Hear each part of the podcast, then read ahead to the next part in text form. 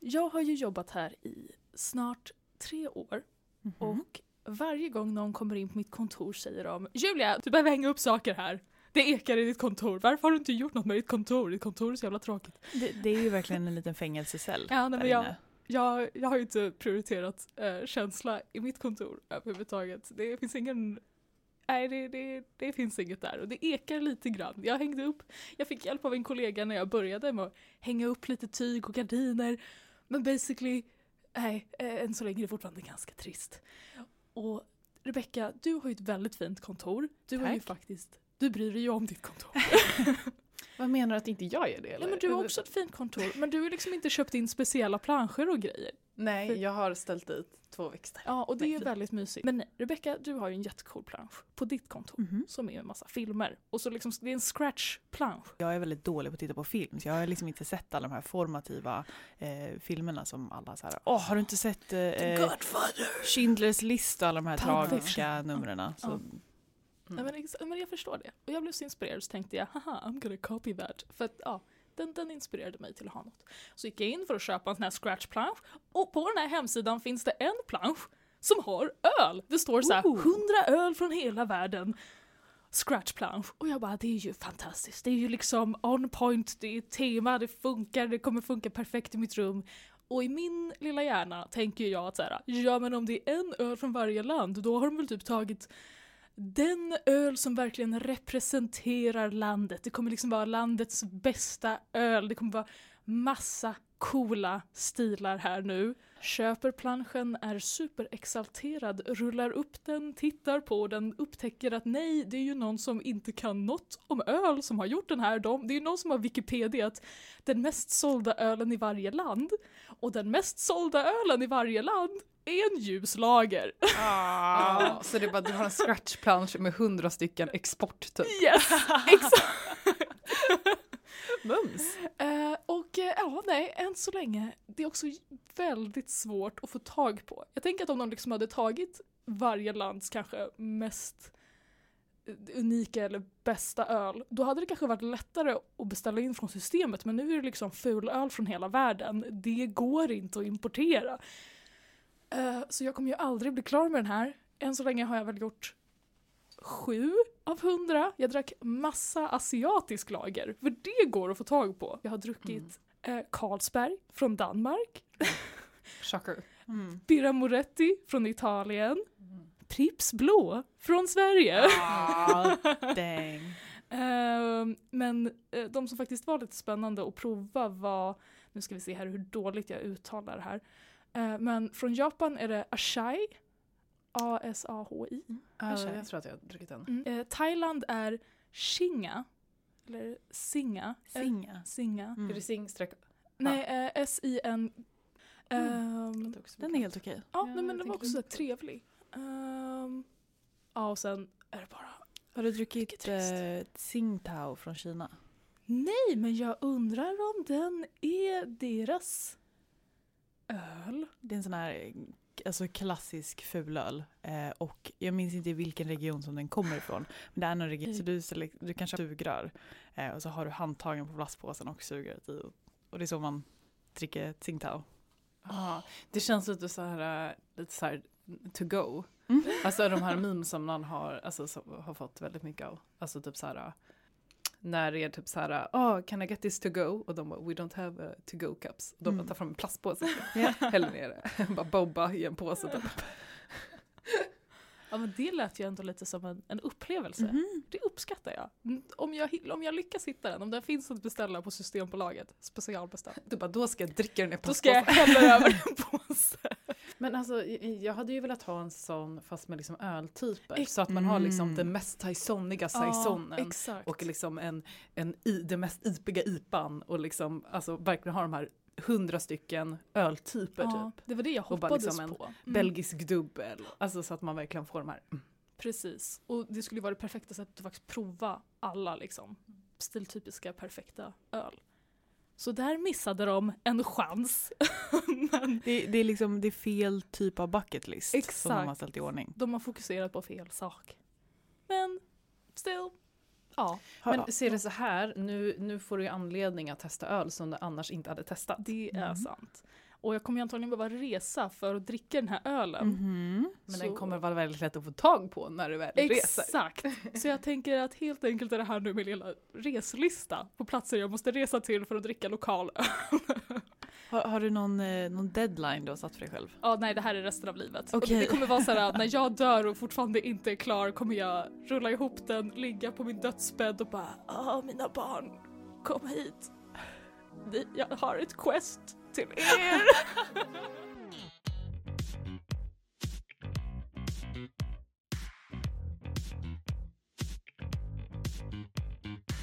Hej och välkomna till Humlepodden, en ölpodd med mig, Julia Jacka. Maja Kojonen. Och Rebecca Findell.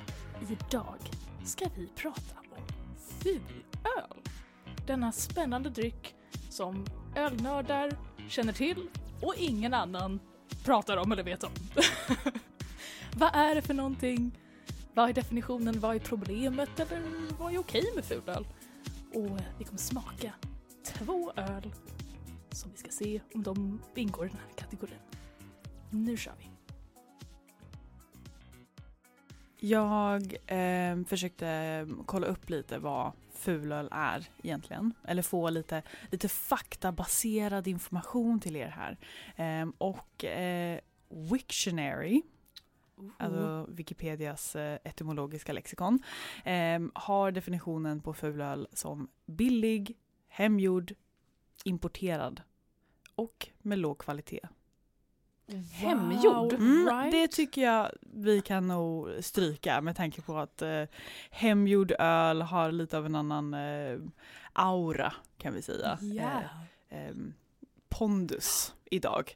Eh, men, men att det ska vara billig och importerad och av låg kvalitet. Mm. Eh, termen fulöl eh, tror jag med största sannolikhet kommer från en reklamvideo eh, med eh, Robert Gustafsson där han gör eh, ett litet eh, inslag för Spendrups eh, och när de lanserade en öl som var eh, inga tillsatser, bara öl. Eh, och att eh, då han köpte ful, eh, han, Robert Gustafsson, köpte ful importerad öl från ja, någon hemsida på nätet eh, och eh, filtrerade den genom en eh, brödlimpa, en strumpa, pasteuriserade den genom att snurra den i en hink och sen drack och det var så äckligt att liksom, nackhåret stod rakt ut. Ehm, det är en fulöl. Så där, till, till definitionen fulöl kan vi då också lägga till ehm, med tillsatser? Frågetecken. Mm. Ehm, I och med att Spendrups öl som inte då är fulöl inte innehåller tillsatser. Men där har vi också här, dagens hantverksöl har ofta lite tillsatser eh, i form av typ frukt eller ehm, essens eller Laktos. Ja, precis. vilka tillsatser kan ens finnas i fulöl? Jag känner av alla produkter är det ju Öl brukar ändå hålla sig till väldigt enkla saker, vadå, typ e-ämnen är vad jag tänker. Är det inte det man är rädd för? jätte, jättegammal. Så jag vet inte om det var under någon slags period då så här, oh, tillsatser är dåligt i Ah. allt liksom. Eh, och då försökte de eh, glida på den räkmackan, Ah. även med öl, antar jag. Ehm, Ja, jag funderade på liksom om det är så här, de som tillsätter sulfiter och sånt i ölen. Men samtidigt så känner jag att det, allt vin är fulvin. Ja men Alltså. exakt. Mm. Och jag, jag försökte kolla lite på Systembolagets eh, hemsida och deras utbud. Eh, det, det går inte att söka på fulöl och få liksom en lång lista på öl. Eh, men så var jag, Vänta, fick- Testade du att söka på fulla? absolut. Och fick Det, en lista? det, nej, det finns några bryggerier som jag tror har gjort en lite här skämtsamt Aha. döpt en öl till fulöl. Ehm, Tråkigt. men, men jag eh, utgick då från de här parametrarna. Det ska vara billigt, eh, det ska vara eh, importerad eh, öl gärna. Va? Alltså, och då tänker jag i överförd betydelse eh, import. Eller eh, nej vad heter den andra? Export. Exportöl. Mm. Eh, jag bara, måste all öl vara importerad? Har vi ingen inhemsk fulöl?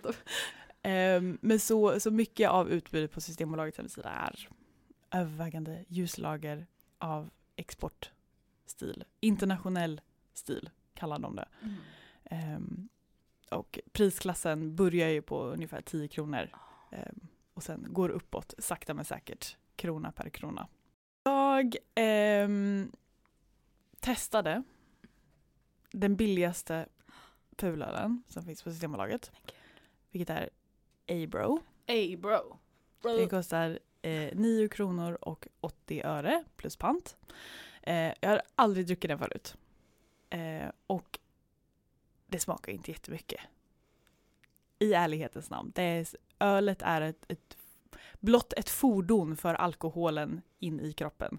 Eh, och jag kan förstå varför det är eh, eh, vanligt att den dricks eh, bland eh, studenter på universitetet kanske. Som tänker på APK. Mhm. Jag tänkte säga det, den, mest, den fulaste fulölen, det måste ju vara den med lägst APK. Är det inte högst APK man vill ha? Förlåt. Ja, En gång till, en gång till. Den fulaste fulölen måste vara ölen med högst APK. Alkohol per krona. Ja. Mm. Tänker jag.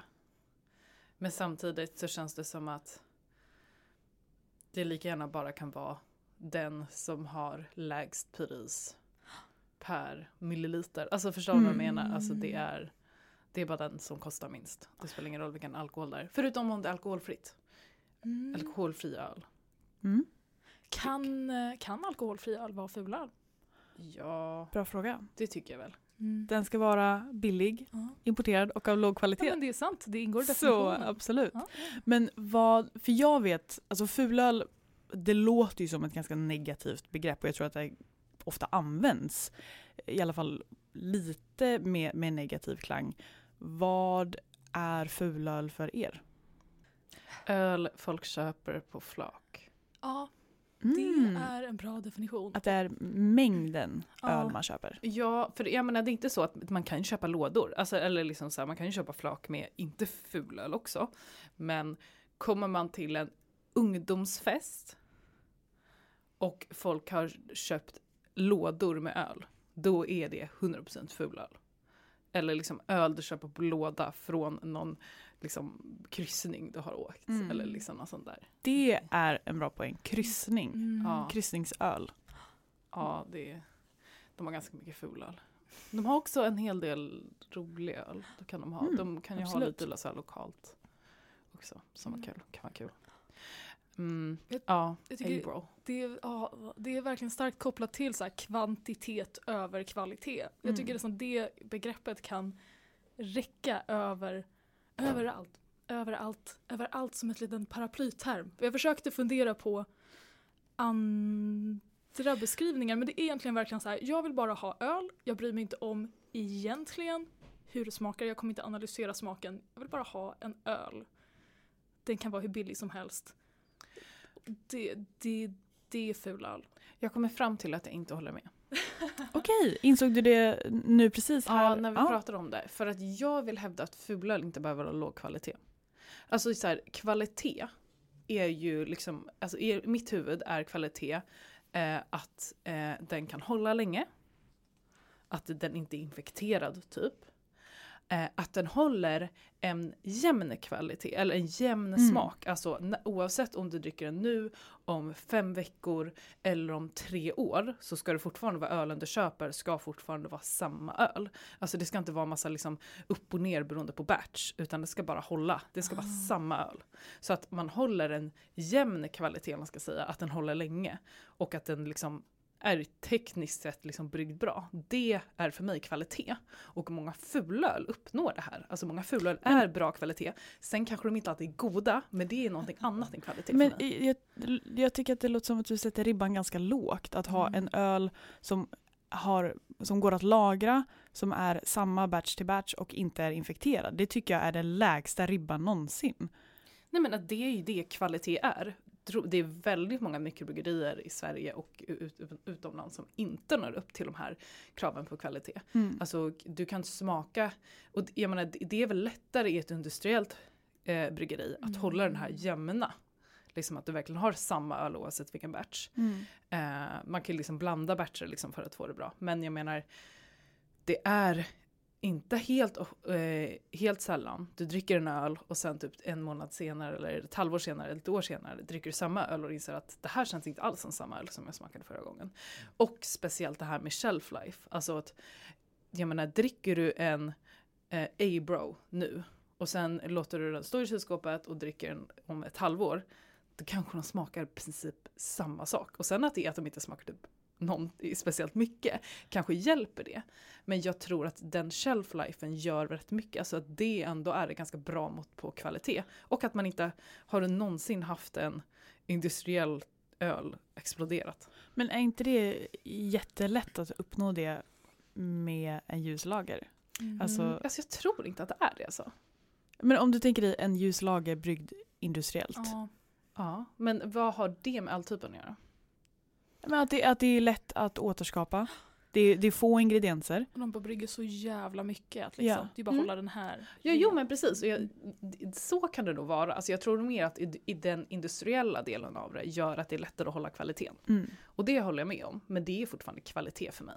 Och fulöl enligt mig håller nog generellt sett ganska hög kvalitet. Jag menar om det skulle vara kvaliteten som lackar, då hade det varit många, många, många mer, äh, vet du, fler mikrobrygg, mik, mikrobryggda öl som hade uppnått statusen fulöl. Mm. Och det vet jag inte om jag håller med om. Utan jag tycker att en fulöl fortfarande, en fulöl kan ha hög kvalitet, men det kanske inte nödvändigtvis är så intressant och god. Och den ska vara industriellt brygg och billig. Okej. Men jag tänker, Men kvaliteten tycker jag inte håller alltså, om, med om du tänker på lagringstålighet eller liksom hållbarhet. Mm. Då är det klart att en ljuslager håller längre Det på hyllan än en än en IPA. IPA. Ja men så är det ju. Ja. Mm. Och det är därför jag inte tycker att kvalitet har så mycket med saken att göra. Men Okej. jag skulle säga att en bra IPA som kanske inte håller så länge har ju fortfarande kvalitet liksom inom sin kategori. Ja jo men så är det. Och jag menar det finns ju fulare som är IPOR också. Mm. Eh, men jag menar, där får man ju ta det för vad det är. Men jag menar, om, man, om du jämför med ett bryggeri som har kvalitet i ölen och jämför med ett bryggeri som inte har kvalitet i ölen. Även om båda är IPOR, eller är, båda är ljuslager eller vad det är.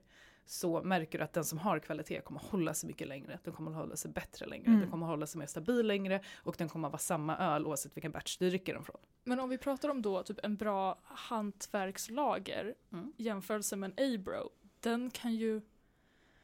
Va, vad blir då liksom din definitionsskillnad för typ Vaxholmslager och A-bro? Och så kör vi liksom, för båda de har kvalitet, båda de kommer hålla. Ja men båda kanske har hög Men kvalitet. den ena är mycket godare. Ja. Och då blir liksom definitionsskillnaden mellan fulöl och... Nej men det är därför jag menar med att fulöl inte, inte har någonting med kvalitet att göra. Nej men jag vet. För men... du kan hålla lika hög kvalitet på en fulöl som du kan på en mikrobryggd öl.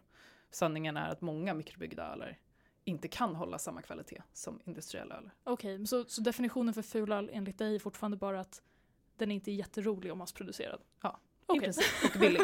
Mm. Att det inte har någonting med kvalitet att göra. Men det var ju det jag snackade Alltså att det, ja. Mm. Med kanske hantverk eller Ja, ju men, konsten att göra. ja, ju men precis. Men Mm. att, att definitionen då istället skulle vara billig, importerad, massproducerad Mm. Istället för av låg kvalitet. Och ingen kärlek. Ingen Jag kärlek. tycker inte det måste vara importerat heller. Okej, vill du men skriva en egen? det? Nej men vadå, det måste väl inte vara, vi har väl fulöl från Sverige? Ja gud ja. Det är Nej, klart. när jag tänkte på fulöl tänkte jag bara på svensk fulöl. Jaha, tänkte inte du på den här amerikanska Bud Light? Alltså okej, jag, jag tänker på den men den är så långt bort, jag har aldrig smakat den. Jag tänker i första hand på typ såhär Norrlands guld, Pripps blå, det man ser. Det man ser här. För mig så är fulöl, det är någonting man kan dricka mycket av. Mm. Det är någonting som passar allt. Som passar mycket. Oavsett vad du ska äta eller vad du ska göra eller vad du ska prata om. Så kan man liksom knäppa fyra på raken och det påverkar inte maten eller Det är samtalsämnet. hinkabiliteten du tänker på? Absolut, absolut. Ah. Ja, den är bra. Ehm, och jag, jag gick inte på jättemånga sådana här ungdomsfester där man har köpt flak med öl utan vi gick mest ut. Så en, och då beställer man ju en stor stark. Ja. Så för mig är fulöl och stor stark väldigt eh, kopplade med varandra. Ja men så är det ju. Alltså Mm. du, det är väldigt få ställen du kan beställa en stor stark och inte få en fulöl. Ja. Alltså, eller jag tror att om du beställer en stor stark och inte får en fulöl så är det ett ställe du inte kan beställa en stor stark på. Ja. Så du menar att en, Alltså- en stor stark kan inte vara en hantverkslager? Nej, jag, typ, eller jag tänker att, alltså jag, men, jag förstår per definition att en stor stark är ett stort glas med en starköl. Ja. Och, men samtidigt att jag vet inte om jag skulle kalla, om jag säger kommer in och ber om en stor stark och jag inte får en fulöl i glaset. Då känns det ju som att man går till ett ställe som kanske inte har fulöl. Ja, jag tänker så här, om, du kan ju inte gå in på Akkurat och be om en stor stark och få liksom något, Då får, något då får fint du, i glaset. Det känns får lite respektlöst. Ja. de bara stor stark, ja, då får de så här 75 flaska med någon sån där 18 procent i jävla Lagrad super- lambic Ja, krig. Ehm, nej men så, så när jag var ungdom ehm, så det var liksom Storstark, Grängesberg Mm. och Mm. Ehm. Det, är det något danskt? Det är svenskt. Okej, förlåt.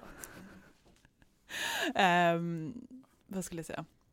Ehm, nej men så, och nu när jag är bildad och kan saker om öl så känns fulöl eller storstark som någonting man köper eller beställer när man inte riktigt bryr sig, när man inte orkar koppla på den här arbetsskadan, att här, du måste analysera varje öl eller varje öl måste vara liksom ett, ett mål, att okej, jag- men jag vill dricka en säsong för att jag vill checka in den eller jag vill eh, lära mig någonting om säsong. Jag vill, liksom, jag vill åstadkomma någonting med den här ölen och när man liksom inte orkar hålla på då är en stor stark eh, eller en ful öl liksom en gåva från ovan. Det är så skönt att slappna av med Mm. öl. Säger du, står du och säger här att du brukar beställa stor stark? Jag tänkte faktiskt inte låta sådär judgy och säga I can neither confirm nor Jag deny. är inte judgy, jag är surprised.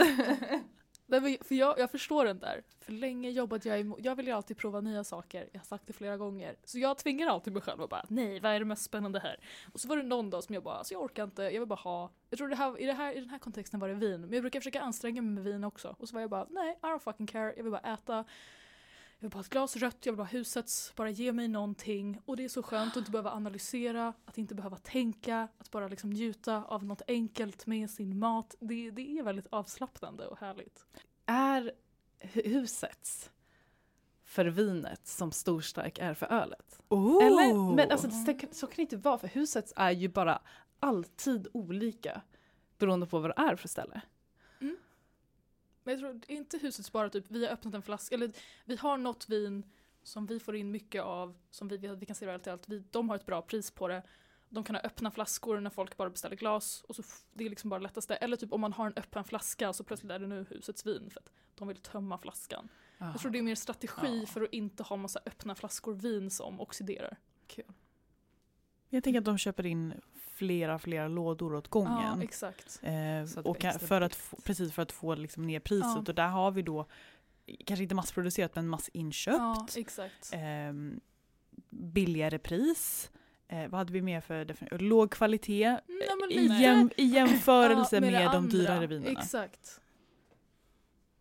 Jag står här och bara, jag håller inte med. Nej. Men oftast är huset ändå, ja det blir ett bättre pris. Jag har, jag har en rekommendation här, restaurang, Mm. Fecka vid Mariatorget. Italiensk restaurang, har en helt vegansk meny. Också helt ovegansk meny men också en hel vegansk meny med italiensk mat.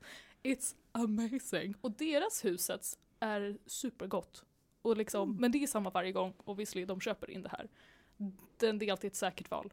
Ja, men det är nog lite, det är lite, jag skulle säga att eh, huset ser lite över fulöl bara i rang av Hur bra den är. hur bra den är. Men, men det är ett liknande koncept absolut. Ja men lite det här med att jag bryr mig inte om vad jag dricker, Ja. jag vill bara ha någonting. Så här, jag vill bara ha ett glas, ett glas öl eller jag vill bara ha ett vin.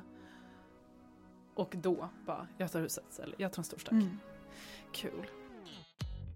Maja, du sa innan att, att du tycker att fulöl inte behöver ha dålig kvalitet. Men alltså en av de upplevelser jag har av fulöl är att de ofta är ganska dåliga. Alltså att det kan vara mer hur de serveras. Jag har också druckit många storstark på, på studentbarer. Och alltså det är ju många som har varit infekterade och, och konstiga smaker trevliga. Men det kan vara mer med serveringen att göra också till så här dräggiga ställen. Kommer jag på nu. Det kan ju vara faten och tappkranar och grejer. Ha ha ha ha ups. Men också att jag tycker ändå ganska mycket fulöl kan, det det är inte perfekt lager. Eh, alltså, jag menar, det beror väl på vad man vill ha åt. Eh, jag, alltså, det, det är väl sällan en, en ful öl är liksom en, ska vara en liksom perfekt liksom, tysk lager. Utan de har ju ofta de här internationella lagren eller export. Liksom. Ehm, och jag tror också, för jag menar jag, jag försöker tänka tillbaka och ja, jag har fått infekterad öl eller dålig öl. Jag tror att det väldigt mycket beror på att vissa ställen inte riktigt tar hand om, alltså rengör helt korrekt eller liksom sådana där saker. Mm. För jag har nog aldrig någonsin smakat en infekterad öl på flaska eller på burk. Mm. Utan jag tror att det bara är när man tar på fat. Och det, det borde säga någonting. Jag tror att det ligger någonting där i att troligtvis så har man inte tagit hand om utrustningen. Eller liksom. Men, eh, men du har rätt i att väldigt många eh, fulöl, eller vad ska jag säga, internationella lager eller export, kan ha eh, smaker eller dofter som vanligtvis inte identifieras som låg kvalitet eller dålig öl. Och främst kanske vi pratar om eh, några felsmaker. De absolut vanligaste i de här fulölen, man ska säga, är eh, DMS och eh, diacetyl. Men de är väl inte unika för fulöl? Nej, de finns i mängder av öl och i väldigt många öl, liksom de här ölen, så är de nödvändigtvis inte fel. Eh, allt, som alltid är de här på för höga nivåer, då är det fel. Mm. De kan, de kan komma från infektion. Um, och de kan komma från dåligt brygg, eh, alltså bryggning, alltså att de bara är dåligt gjorda. Men jag menar, tänk diacetyl. Det finns alltså till exempel en tjeckisk pilsner. De typ ska ha en viss mängd diacetyl. Alltså det liksom hör till typen. Så det betyder ju inte att den tyska pilsnern som, eller den tjeckiska pilsnern som har diacetyl, det betyder inte att den är dåligt, Mm. eller då, Mm. dålig kvalitet. Det betyder bara att den är vad den eh, troligtvis är ute efter att vara. Men för de som inte har koll då, eh, DMS, eh, och nu, jag, jag säger alltid DMS, jag vet inte om jag någon gång har sagt det riktiga namnet för DMS. DMS är ju en förkortning av dimetylsulfid. Mhm. Eh, kanske inte alls det jag sa. Eh, kanske uttalas helt annorlunda, jag kanske missade. Dimet- Dimetylsulfid. Typ. Jag tror att det är exakt som det låter. Eh, men vanligtvis kallar man det DMS. Eh, och det är i princip kortfattat typ doften av, för mig i alla fall, burkmajs. Mm. Eh, vissa tycker att det smakar lite grönsakssoppa eller kål typ. Men jag tycker alltid att det är bara den här söta burkmajsen eh, som kommer fram i doften. Eh, och vad eh, DMS är, eh, är eh, alltså det uppstår i koket. Eller det uppstår i flera steg. Men till exempel så uppstår det i koket. Eh, och det försvinner, när man kokar så försvinner de här eh, i ångorna. Eh, så eh, om du till exempel kokar ölen med lock på, då har inte de här eh, föreningarna någonstans, eh, eh alltså det är typ en, en svavelförening typ. Eh, så att eh, då har inte de här föreningarna någonstans att ta vägen. Så att då kommer de komma tillbaka in i ölen. För att ångan, om man har lock på, kommer tillbaka in i ölen. Eh, så, eh, eh, och det kan även uppkomma eh, om man får ganska dålig rullning på koket. Så även fast eh, vörten är varm och i princip kokar så ångas det inte så mycket och frigörs inte så mycket av de här föreningarna. Eh, och därför stannar DMSen också i ölen. Eh, och då i princip får man en öl som smakar burkmajs. Och det kan också uppkomma om man till exempel är ganska lite långsam med att kyla. Då är det samma sak där DMS uppstår när, man, eh, när eh, vörten är varm. Så om du kyler långsamt och därmed inte har det här koket fortfarande som frigör eh, de här eh, ämnena i ångan så eh, förs- eller håll, hålls DMSen kvar. För DMSen bara finns inte i vörten. DMSen uppstår vid värme. Eh, det finns ämnen som liksom skapar DMS, eller vad man ska säga. Och de finns det främst i, eh, eller den kommer i princip från alla de här ljusa maltsorterna. Ehm, så när du har till exempel pilsnermalt som man eh, torkar i ganska låga temperaturer. Eh, där finns det ehm, eh, ganska mycket eh, sådana här ämnen som eh, kan eh, bidra till DMS. Men till exempel skulle säga Münchnermalt som man torkar i lite högre temperaturer eh, finns det inte lika mycket av. Hmm. Sådana ämnen. Så använder du, det är därför det är extra vanligt med DMS i sådana här ljusa lager. För du använder i princip bara de här jätte, jätteljusa maltsorterna. Som har mycket av de här ämnena. Som när vörten kokas skapar DMS. Så därför finns det mycket DMS i sådana. Och jag menar det, DMSen på en lite lägre nivå innan det verkligen luktar supermycket burkmajs bidrar ofta till en mycket rundare, maltigare smak. Så många säger att det ska alltid vara lite DMS i en lager för att den ska liksom upplevas maltigare och mjukare. Eh, DMS försvinner också eh, när det jäser. Men i en lager som jäser i ganska låga temperaturer, då försvinner inte lika mycket av eh, den här, eh, ja, de här föreningarna. För det hade jag faktiskt tänkt fråga om. För jag, jag tänker det, om man, om man misslyckas lite grann med koket och sen när man tappar upp det och får liksom en D-mässig öl, kan man bli av med det? Eh, nej. Nej. Eh, jag, jag skulle inte säga att det går att bli av med DMS. Eh, det är, mil- alltså så här, DMS är ganska flyktigt. Mm. Så att jag menar, häller upp ölen, då luktar DMS, snurrar runt glaset lite och jag menar det kolsyrar ölen, det kanske frigörs lite där, låt den stå lite så är det of- eh, ofta lugnt sen. För det är ofta när du häller upp ölen och smakar den precis direkt, det är då du brukar känna de här DMSen. Så de är ganska flyktiga, de försvinner efter ett tag. De flesta har inte jättestort problem med DMS. Som sagt, det, man kan tycka att det luktar eller smakar lite burkmajs, men efter ett tag så försvinner det. Men så att så lager som har mycket ljusmalt och som har jäser i låga temperaturer har större sannolikhet att, ut, eh, att skapa, eller ja, både skapa men inte heller att DMSen försvinner lika lätt. Mm. Medan en ale som använder kanske lite mer, eh, som haft de här eh, mörkare maltsorterna, som inte har lika mycket av de här ämnena eh, som bidrar till DMS och som dessutom jäser varmare. Och där också igenom kan man bli av med lite DMS.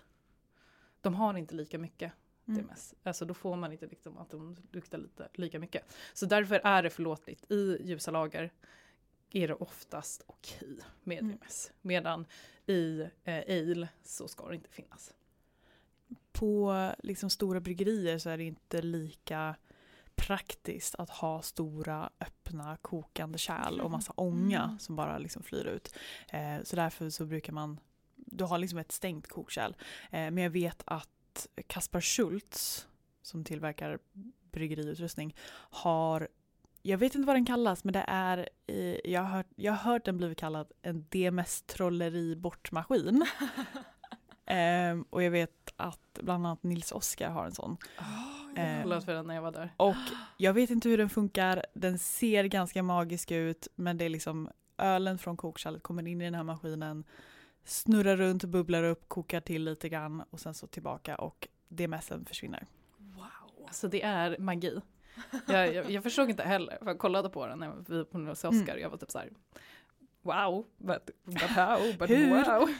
Ja men typ, och de så här, men jag, jag tror att den typ så här, jag skulle gissa på att den bara superförångar Ja. jättesnabbt och sen typ så här kyler så att den eh, DMSen skapas i värmen och bara förångas och försvinner och resten är, för jag tror att det är en liten tapp va, i volym. Mm. Jag tror att man förlorar ganska mycket på den processen eh, förhållandevis sett.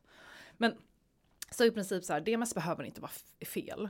Ofta säger många att pyttelite DMS bidrar, eller vanligtvis så har all öl DMS. Bara det att du kanske inte känner den, upplever den lika mycket. Och det är inte förrän de kommer i lite högre eh, andel DMS som du faktiskt känner den här burkmajsen. Den är flyktig, den försvinner snabbt. Jag, jag är inte superkänslig för DMS. Ibland kan jag tycka att det blir jobbigt och sen bara lämnar jag ölen 10 minuter och sen luktar det inte DMS längre. Eh, sen har vi diacetyl eh, och det här är en, en eh, smak som jag har jättemycket problem med. Eh, diacetyl, eh, även kallat smörpopcorn eller smörkola, doftar och smakar smör eller är snarare det som ger smak till smör. Mhm. Ja, Vad kom först, smöret eller diacetylen? eh, ja diacetylen uppkommer i smöret tekniskt sett. ah. Eh, så det uppstår ju naturligt vid jäsning. Eh, diacetyl. Eh, och det hittas då förutom i öl och smör även i liksom cola, vin, andra typer av spritdrycker. Eh, och eh, om vi tänker chardonnay kan vara Ah. Folk säger- Yeah, smör. Precis, Smörigt. diacetyl är lite smörigt. Och, det är, och jag kan ibland tycka att vissa viner, alltså det är för mycket punch in the face. Men eh, men jag, har, jag är ganska känslig, man kan vara lite mer eller mindre känslig för diacetyl. Vissa känner knappt diacetyl alls. Jag tycker att den blir väldigt påtaglig och jag är väldigt känslig för den. Jag har lärt mig med åren att typ så här, vad okej känner jag diacetyl så är det inte för mycket. Typ. jag litar inte på mina sinnen när det kommer till diacetyl för jag tycker alldeles smakar diacetyl. Jag känner inte diacetyl alls. Nej. Jag har fått liksom en, man kan säga droppa i felsmaker i öl, en så här diacetylbomb i ett glas och det var så här, nej men det smakar ju bärs. Jag Mm. känner det inte alls. Ja, och jag blir typ så här spyfärdig. Nej men så, eh, så det uppstår eh, då ehm, eh, det är alltså vanligt förekommande och i vissa fall även önskvärt. Till exempel då i en tjeckisk pilsner. Eh, men ehm, och vill man inte ha diacetyl, man vill ju aldrig ha diacetyl på en för hög nivå. Eh, um, men man kanske vill ha lite diacetyl för även diacetyl kan bidra till en liksom mjukare, maltigare upplevelse av ölet. Eh, och speciellt då för de som inte är känsliga. Så tror jag verkligen att den får den eh, påverkan. Men så om du har en pigg och frisk gäst och liksom eh, ja, kanske inte tappar upp för tidigt. För det är gästen som tar hand om de här diacetylen som eh, bildas i ölen. Den tar hand om dem och mm, jag vet inte, äter upp dem vill jag säga. Men den, jag tror inte den äter upp den men eh, tar väl hand om dem, eh, gör om den till någonting annat. Wow, jag låter så smart, men gör om den till någonting annat. Eh, I'm sorry, jag är inte kemist. Jag bara vet att gästen tar hand om diacetylen som skapas. Eh, så att om man inte tappar upp för, eh, om man tappar upp för tidigt så kan det också bidra till att man har lite mer diacetyl i ölen. Eh, om gästen inte är superfrisk eller pigg kan det också bidra till att man har lite mer diacetyl i ölen. Eh, och eh, genom att man höjer temperaturen i slutet av jäsningen på till exempel lager, eh, en så kallad diacetylrast, eh, så kan man också bli av med lite. För då, kan, då ger man i princip gästen en liten extra push. Och då tar gästen hand om dem. Det är i princip det som händer. Ehm, precis. Och alltså både DMS och diacetyl, för mycket av dem, det är klart det är fel. Men lite av dem behöver nödvändigtvis inte, inte vara fel. Och om det är alla alldeles för mycket så beror troligtvis, oavsett om det är DMS eller diacetyl, beror det troligtvis på någon form av infektion. Men så både DMS och diacetyl, det är liksom två kännetecknena för fulöl. Lite så. Ja. Mm. Med tanke på att jag har svårt att känna diacetyl och jag gillar kokta grönsaker så Win-win! det är lugnt för mig. Bring on the fulöl. Wow. Ska vi dricka bärs?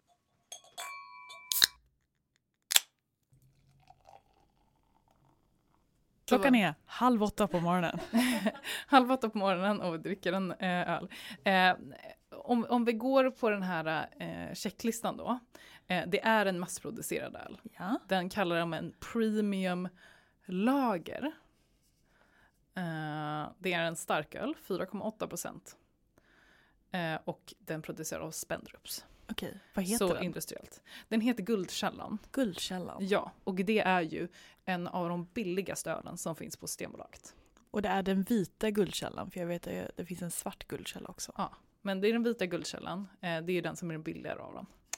Eh, och ehm, jag tror att den, den är under tian. I alla fall. Mm. Så det, den är verkligen en fulare. Anledningen till att jag bjuder på den här idag är för att jag hade den i kylskåpet. För att jag har en nära vän eh, som bara dricker guldkällan i princip. What? Och är vän med dig? Ja, eh, nej men så han, eh, han dricker väldigt mycket Guldkällan och typ varje gång han är över så har han lämnat burkar med Guldkällan hemma hos mig. Eller typ att någon gång så bad han mig köpa öl till honom och sen drack han dem aldrig så då bara hade jag massa Guldkällan. Så jag har massa Guldkällan hemma. Eh, så då tänkte jag perfekt att ta med den för det är verkligen en full full öl. Eh, enligt den bemärkelsen.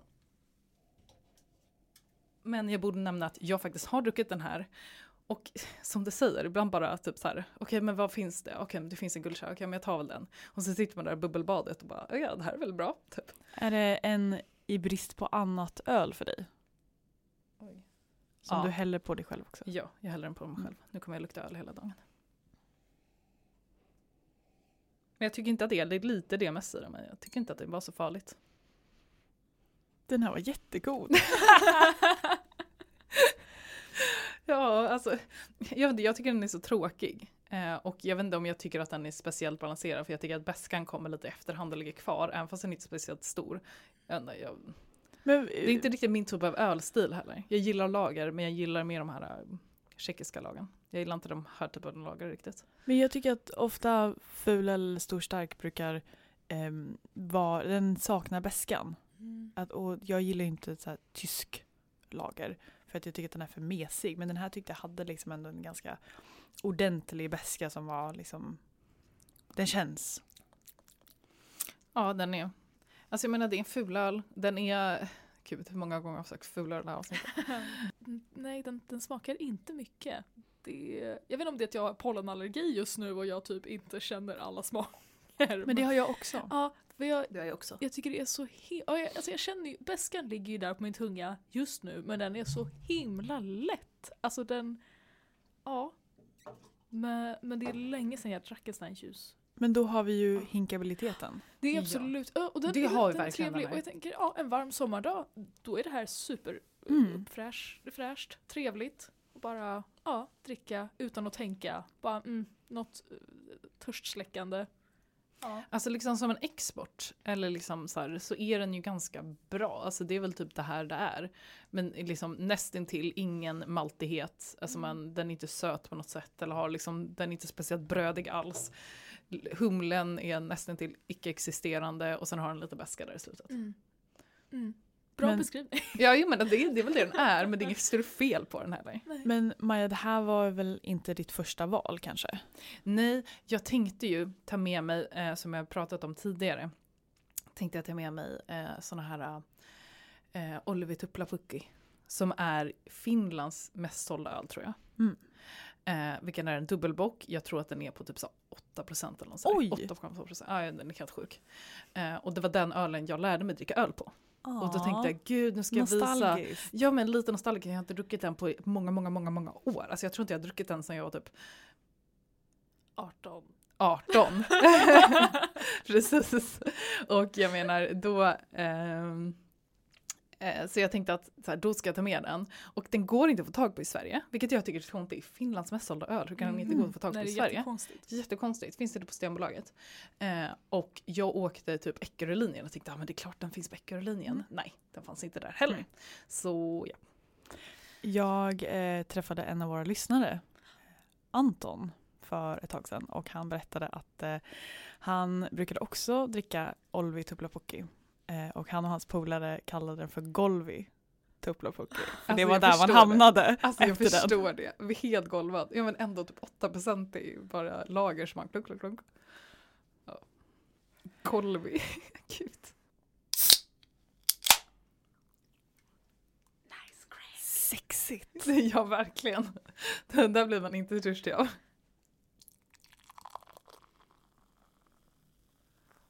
Alltså jag undrar om Norrlands guld har fan specialdesignat dem. För det där lät precis som reklamen. Vi kommer inte... Är det möjligt att de har tagit sin egna öl och spelat in ljudet?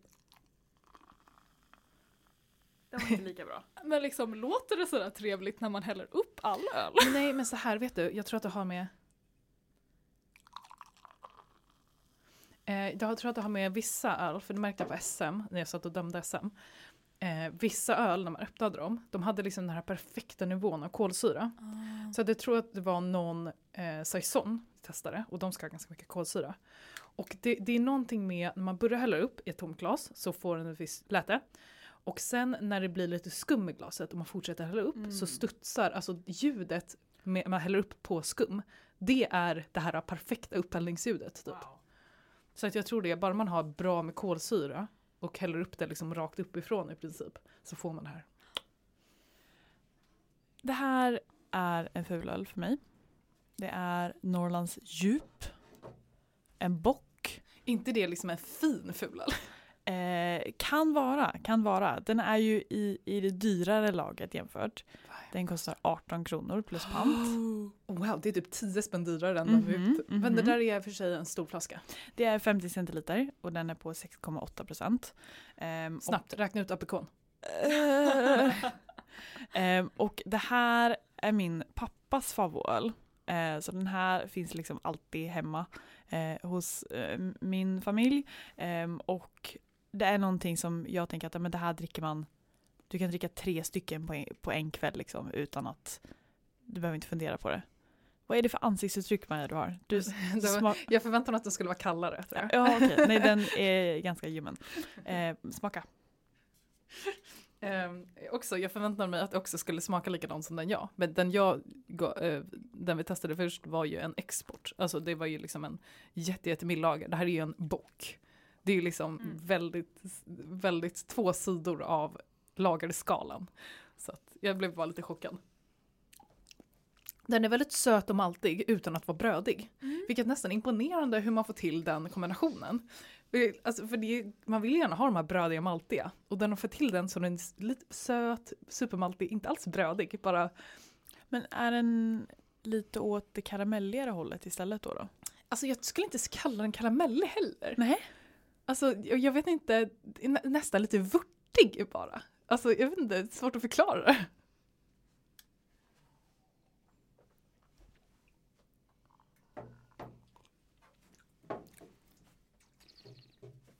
Ehm, och den är säkert egentligen bäskare, den har säkert högre IBU än exporten vi testade. Mm. Men den upplevs ju på grund av maltigheten inte alls lika bäsk. Den, Den- upplevs ju väldigt maltdominerad. Ja, jag tycker att den är kanske välbalanserad. För att vara fula. supernöjd, den är välbalanserad. Ja, nej, verkligen. Nej, jag är imponerad. Jag var så beredd när vi skulle göra det här. Och också här berättar jag varför jag inte har med en öl idag. Jag skulle köpt en Pripps blå, men jag glömde. Jag kom på det igår kväll, typ en halvtimme innan elva. Och jag låg i sängen och så var jag så här, ska jag kasta mig in i bilen och bara panikköra till närmaste ICA som stänger 23? Och så bara ska jag, för, en Pripps blå? I can't. En 2,8 dessutom. Exakt. Och så struntade jag i det. Och så var jag så här, åh, jag var lite lättad nästan. Gud vilken snobb jag blivit här. Ehm, För att jag skulle slippa dricka Pripps Blå. jag, såg inte, jag såg inte fram emot att dricka Pripps Blå. Men båda de här var ändå så här, men det är ju trevlig öl. Det är, det är trevligt. Och det var, det var kul för de är verkligen så pass olika. Jag tycker den här, jag upplevde ganska mycket bäska i den här. Jag tycker det, det funkade bra. Ja, den är nog mycket bäskare än den andra. Mm. Men den har mycket, mycket mer maltstöd. Ja. Eh, jag skulle säga att båda är lika balanserade. Det är bara att den ena, jag menar det är ju en bock. Den ska vara lite maltigare. Mm. Jag är bara, helt, jag är bara lite bestört över hur de har fått till maltigheten så att den, så att den inte blir så här gott brödig utan den bara är liksom malt och sött. Mm. Alltså, kan du fundera på. Mm. Försöka återskapa. Men det känns också inte riktigt så här, tänk, det här är ju inte en varm sommardag gräsklipparöl direkt. Nej. Tycker du? Jag tänker det här Mm, är som en stark. eh, midsommaraftonsöl. Ja fast kanske på aftonen av midsommarafton. Mm. Alltså det känns lite mer senare på kvällen. Det den är så himla stark men den här är inte läskande. Men till mat? Till alltså Ja. fet och eh, syrad ja, mat? kanske det, kanske det. balanserar bra till Mm, det, precis. mm. Men ingen gräsklipparöl direkt. Nej det skulle jag inte säga. Nej. För det, det jag saknar ofta i fulöl är eh, kropp.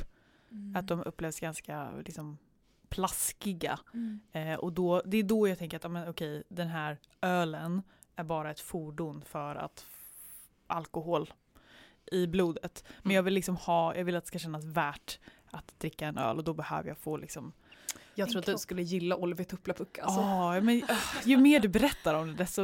Åh, Tänk den här fast bara två extra procent också. åh, nej. Mm.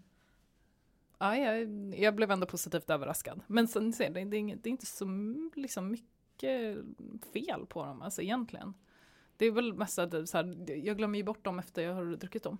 Mm. Mm. Mm. Ja, men det är Men det är, det är tråkigt, eller att, att fulöl beskrivs med ett så negativt eh, värderande Mm. adjektiv. Mm. Eh, men i själva verket så är det, det är ofta inget större fel på ölen. Det är det, jag säger det, kvalitet hörni. Mm. De har ju det. Ja. ja, men här Eller dricker ni den här och kände nej det här är inte kvalitet. Nej. Jag kan se stålutrustningen som Mm. har bryggt den. Mm. Man kan... I liksom Ja. så här, 100 000 liter Ja, åt gången. Exakt. Jag Det ser är- ett system som funkar väl. Mm. Duktiga människor som faktiskt brygger riktigt bra öl.